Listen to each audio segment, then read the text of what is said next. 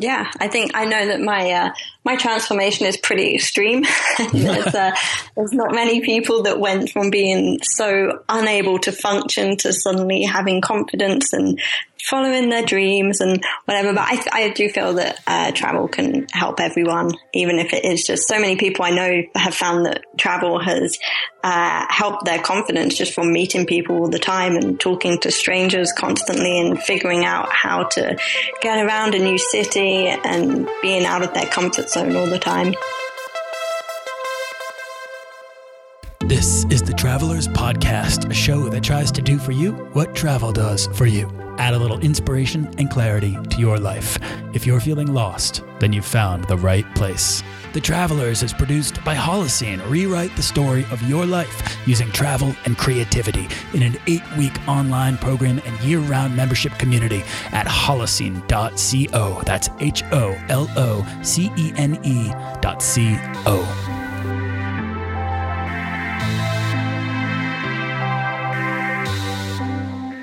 Welcome episode two of season three of The Travelers. In the last episode, we explored resistance, what it is, and how you can use curiosity and wonder and travel or exploration to overcome it. I also caught you up on my life and the massive amounts of resistance I had to overcome over the past few years. If you missed that episode, please go check it out. It will provide a great deal of context for uh, all of the things that we're going to explore today. Season 3 is a 12 part season, and each episode builds on the last one as I walk you through resistance, curiosity, creativity, and transformation. The four major stages of the Holocene framework, as well as any transformative travel experience that I've ever featured in over 200 episodes of the Travelers podcast. So, while previous seasons of The Travelers have explored different lives of travel, this season is done exploring. We're, we've done the research. It's time to show you all what we've been researching and what we've discovered from it. Uh, and to do that, I'm going to break down the inner journey of travel and travel's capacity for not just transformation, but measurable personal growth, how it works, and how to do it for yourself.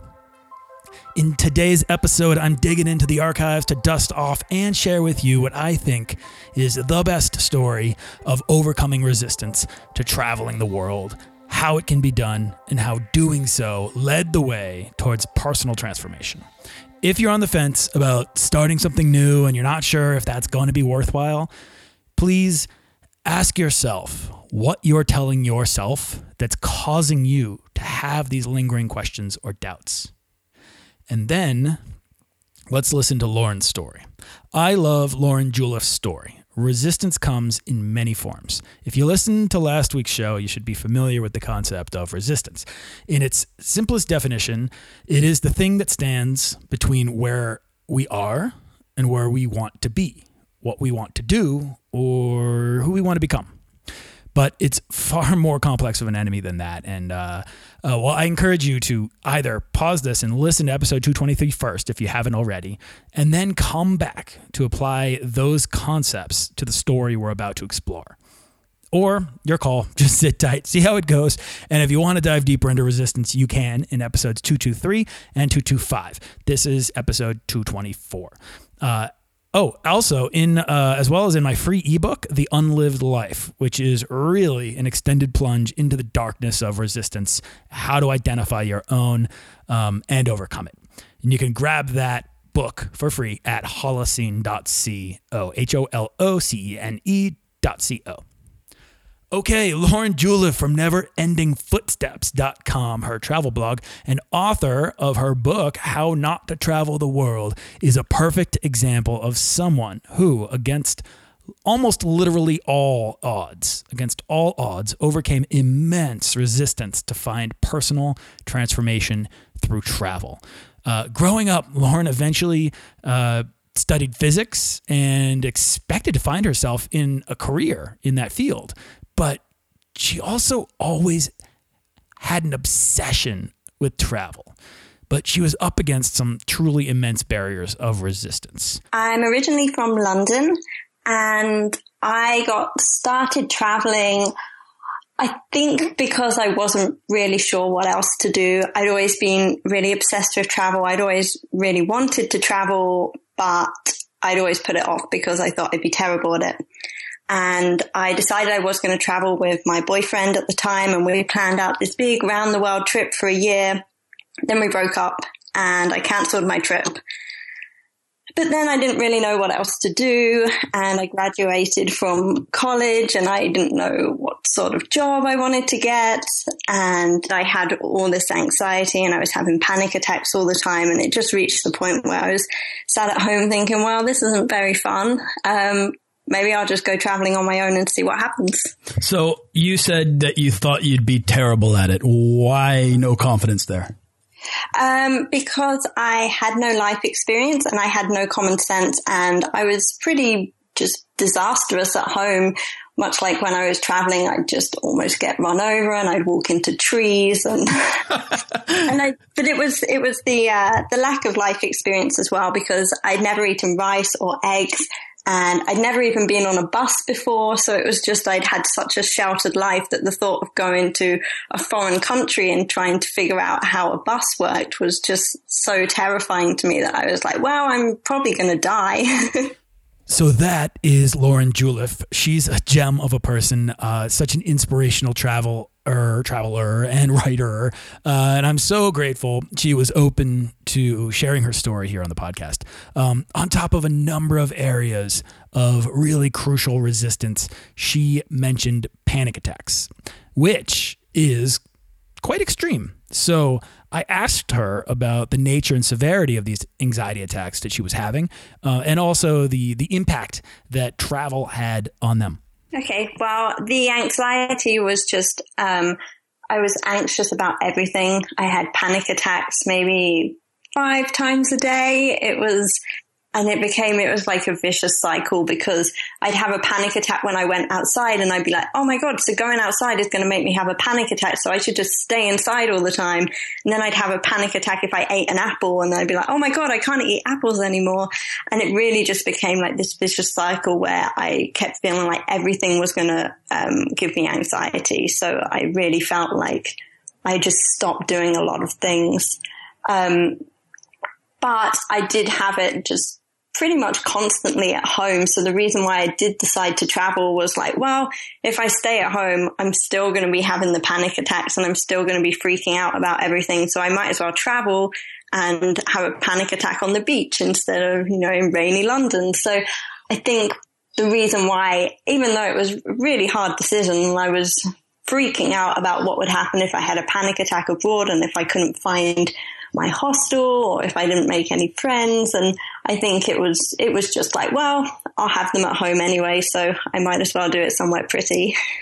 So, on top of this debilitating anxiety, Lauren also had absolutely no support from her family and her friends. And when we lack the support of those that matter most, we begin to believe the story that we tell ourselves. Um, you know that one that that doesn't serve you, the one that limits your your potential for trying new things, uh, the one that says you're not good enough to change, uh, and so you might as well not even pursue any personal growth. And then you begin to find yourself up against the resistance of others' opinions, definitions, and expectations of who you are supposed to be according to them. And you don't want to let them down. So you'd rather never change. Uh, it was pretty tough. I didn't have any kind of support network when I said I wanted to travel. I think because my friends and family knew how much of a disaster I was. Like they were like, "You can't do this. You're never going to last." My my friends told me that I was really stupid for doing this. That I should be getting a job, and it was just a ridiculous idea to go traveling because I would fail and then I'd come back a week later and have no idea what I was doing and my parents as well they didn't they didn't really want me to leave. They we have like a really tiny family. It's just my mom my dad my sister and me and that's it. So they wanted me to stay close to home so we could continue being a small close knit family. So i think i felt guilty because i knew that nobody really wanted me to leave. So it was pretty tough not to have anyone being like yeah you should do this. Follow your dreams I definitely wanted to prove people wrong because I, I felt like nobody had any faith in me or any confidence that I could achieve anything. And I wanted to prove that I could achieve something. And also like I wanted it to work out because I'd, I'd always been, you know, pretty obsessed with travel and I'd always wanted to travel. So I didn't want to leave and then discover I hated it. so that's where Lauren was directionless, crippling issues of self confidence, belief in one's own ability. She uh, self described disaster prone uh, and overcome with anxiety attacks like regular to the point where she was not leaving her house for up to eight months. Uh, but despite this like debilitating condition and situation, along with the lack of support from her friends and family, Lauren still heard a calling. So I want to break this down for you. In Holocene, we have a concept called the calling. Her calling was to travel the world, to just set out and find out what was out there waiting for her, perhaps who she might become. Despite all of those voices, she'd heard this calling her entire life. So her calling was to travel the world. Her resistance was crippling anxiety manifesting as panic attacks. Uh, the definitions and expectations of her friends and family telling her she shouldn't go, uh, plus her own self doubts and insecurities. And she overcame this resistance by using curiosity. She stopped looking for the right answer and instead she gave herself permission to explore a bigger question. She asked herself, what if I could last a whole year on the road? What if I could do that? Then what? Up against all of those insecurities, up against all of those negative stories that she was hearing, that she was telling herself, that she was beginning to believe, one question poked a hole in that barrier of resistance and started a flood that sent her on her way. What if I could last a whole year on the road? This question was so big for her that it helped her begin to listen to her calling, her own voice, more than her resistance and the voices of others. Because part of me was really determined to last for the whole year I set out to travel and I can be pretty stubborn. I was like, yeah, well, all these people think I won't be able to do it and I'm going to show them. Um, but I think deep inside, I thought, yeah, I'll probably last a couple of months and then I think I'll give up and go home.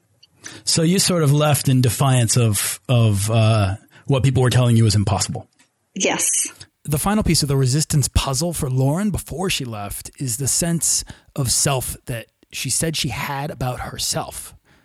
She didn't like herself, um, and she's she, she'll explain this in the next clip. This isn't resistance, but this is a result of not taking action against the resistance. This is what happens when you let resistance win. But when she overcame her resistance using questions, she was able to reframe the way that she saw herself, and she liked what she found. At the time when I just when I left to travel, I didn't realize them, but I didn't really like myself as a person. I think because I had been so sheltered and I just didn't know what I was doing.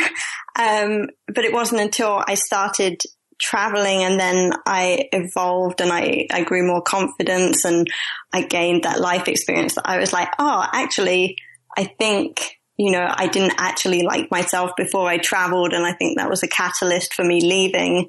But it did actually take a few months of travel before I realized that. And despite all of that crippling resistance holding her back for so long, it only took one question one compelling question to propel her into an entire year of travel. And for someone who'd always dreamed of traveling but was convinced she wasn't good enough, she really jumped into the deep end. I don't know. I just, I did originally, I had plans that, oh, well, if I want to travel, maybe I could do like a short solo trip for a weekend and see how I cope in hostels and maybe I could try taking a bus or eating eggs. um, but in the end, I, I don't know why I didn't do it before. I think I was just got, I just thought, okay, I'm going to do it. And I'm not going to prepare myself in any way. I'm just going to see what happens. And it took a little bit of time, but after a month or so, she started seeing the benefits. After a bit of an adjustment period, she began to experience the benefits of chasing wonder, of choosing wonder over worry? I haven't really written about this, but the, my first month on the road, I was pretty miserable. I really wasn't enjoying it very much at all. Um, and I think part of that was maybe because I started in Eastern Europe where there wasn't really like that much of a backpacker trail. Mm. So I'd stay in dorms, but it wouldn't really be like in Southeast Asia where everyone's doing the same route and you meet people all the time and change your plans to hang out with people and go where they are. I found that in Eastern Europe that didn't really happen. It may have just been that I was closed off to that and freaking out about everything, but the first month was really hard and I did have a lot of panic attacks. But it, the, the frequency became less. I, I found that even after the first couple of weeks, I started having less panic attacks. I'd, so I'd have panic attacks over eating, about going for dinner, and then I'd force myself to go and have dinner. And after I'd done that three or four times, it just felt normal and it wasn't something I worried about. So I think just forcing myself out of my comfort zone, com- like constantly just, it meant that, um, I stopped having anxiety attacks gradually. Was that because there was a distraction or was that because you felt like you had more control or you had actually dis- it seems like you had actually started to make choices. It was having more control. And I do think the cause of my anxiety was because I didn't feel like I had much control. So I think it really calmed me to think, well, if I wake up and I feel anxious, I can stay in bed all day. Whereas when I was at home, it was like, oh, well, I've got to go to work or I've got to go to college and I've got to see people and that would make things worse. So I think it was, it was having the control meant,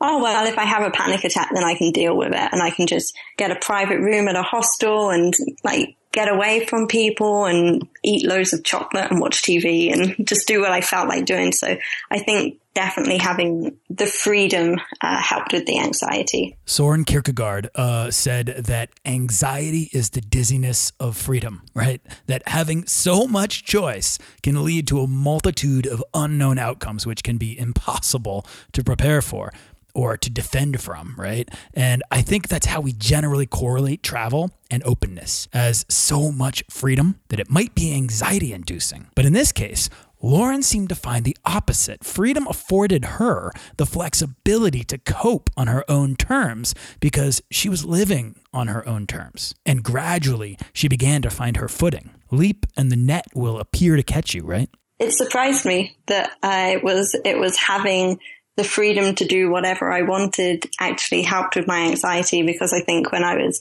back home, it was having too many options would give me anxiety, but it felt different when I was traveling. Maybe about six months into my travels, and it was just as I started making money with never ending footsteps, and it suddenly felt like it was a viable option to stay traveling. Up until then, I was just watching my savings disappear, and I was like, I, I'd accepted I was going to go home.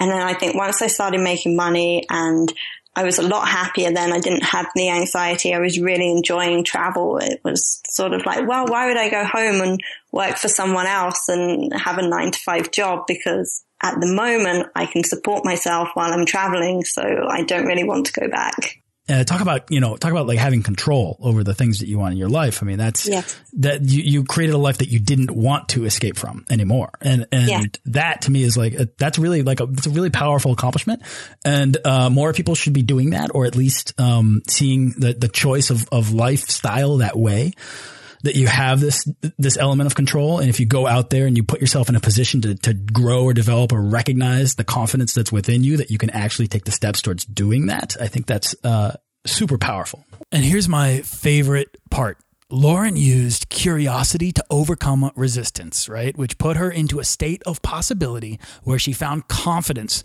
through the mastery of freedom and control over her anxiety. But then she channeled that confidence into her writing, her travel blog, and eventually even a book deal, as she became known for speaking publicly about her anxiety and how she was able to overcome it to travel. And it was through her creativity that she completed her transformation from the person she was back home before she left to the undeniable person that she is now for me, I didn't have a very, hmm, I didn't have a very large audience on my site or a very engaged audience until, until I started writing about my anxiety and how travel had changed my life. And then it felt like there was just the big moment where everyone was like, Oh my God, I thought that, you know, your life was so easy that you just quit your job and decided to travel and everything went amazingly for you.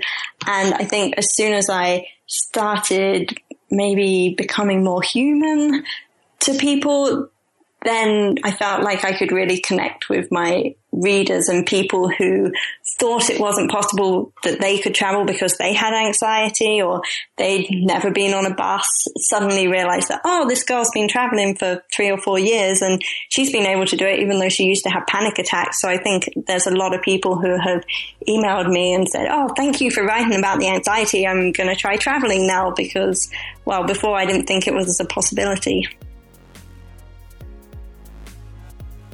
I hope you've enjoyed this case study on how to overcome resistance with curiosity, questions, wonder, uh, travel, or exploration. Uh, Lauren let herself listen to and trust her calling over her doubts, and it led her to transformation. This is transformational. This is transformative travel. The differentiator for her, for Lauren, and maybe others in a similar situation that aren't able to uh, flip the same switch and just take off around the world is how long her calling had been with her. She'd lived her entire life hearing this calling, right? Knowing she wanted to answer it. And yet, everything else in her life conspired to prevent her from answering it, from doing that, and from it ever changing her into something else or someone else. Lauren was really suffering from curiosity resistance, not creative resistance. There's a difference, and if you want to learn about it, you can download uh, my free book, The Unlived Life, at holocene.co. But curiosity resistance is more of a resistance to experience, to novelty, to newness, to openness to the world. For Lauren, it was more of a resistance born from the factors of her life that contributed to her own self doubt and limiting beliefs about what she was capable of. Yet her calling never wavered, and she was able to uncover that question that activated her curiosity and led her into a place of possibility. And now she's been traveling for just over 10 years. And she's still currently traveling, living in and writing from Melbourne, Australia and you can even read her more personal travel stories and experiences on her Patreon right now for just $5. Uh, it's uh, patreon.com slash NE footsteps, like never ending footsteps. And I'm just going to leave you with uh, one more thing from Lauren, and then I'll see you next week here on The Travelers. I never I never had therapy when I was back home and I and I had all my anxiety issues and I probably should have because I was a bit of a mess but I never did and I was trying to help myself I'd read self-help books and I'd go on anxiety forums and nothing was really working and it was only really forcing myself out of my comfort zone and traveling that really helped to change my life for the better. I think just knowing that maybe hmm, eight years ago or so, I was I was too anxious to step outside my front door, and I once spent like six months at home, never going outside. What? oh my gosh. Yeah, so and now to have been traveling for three or four years is like it's such a transformation, and I don't don't think it would have happened without travel.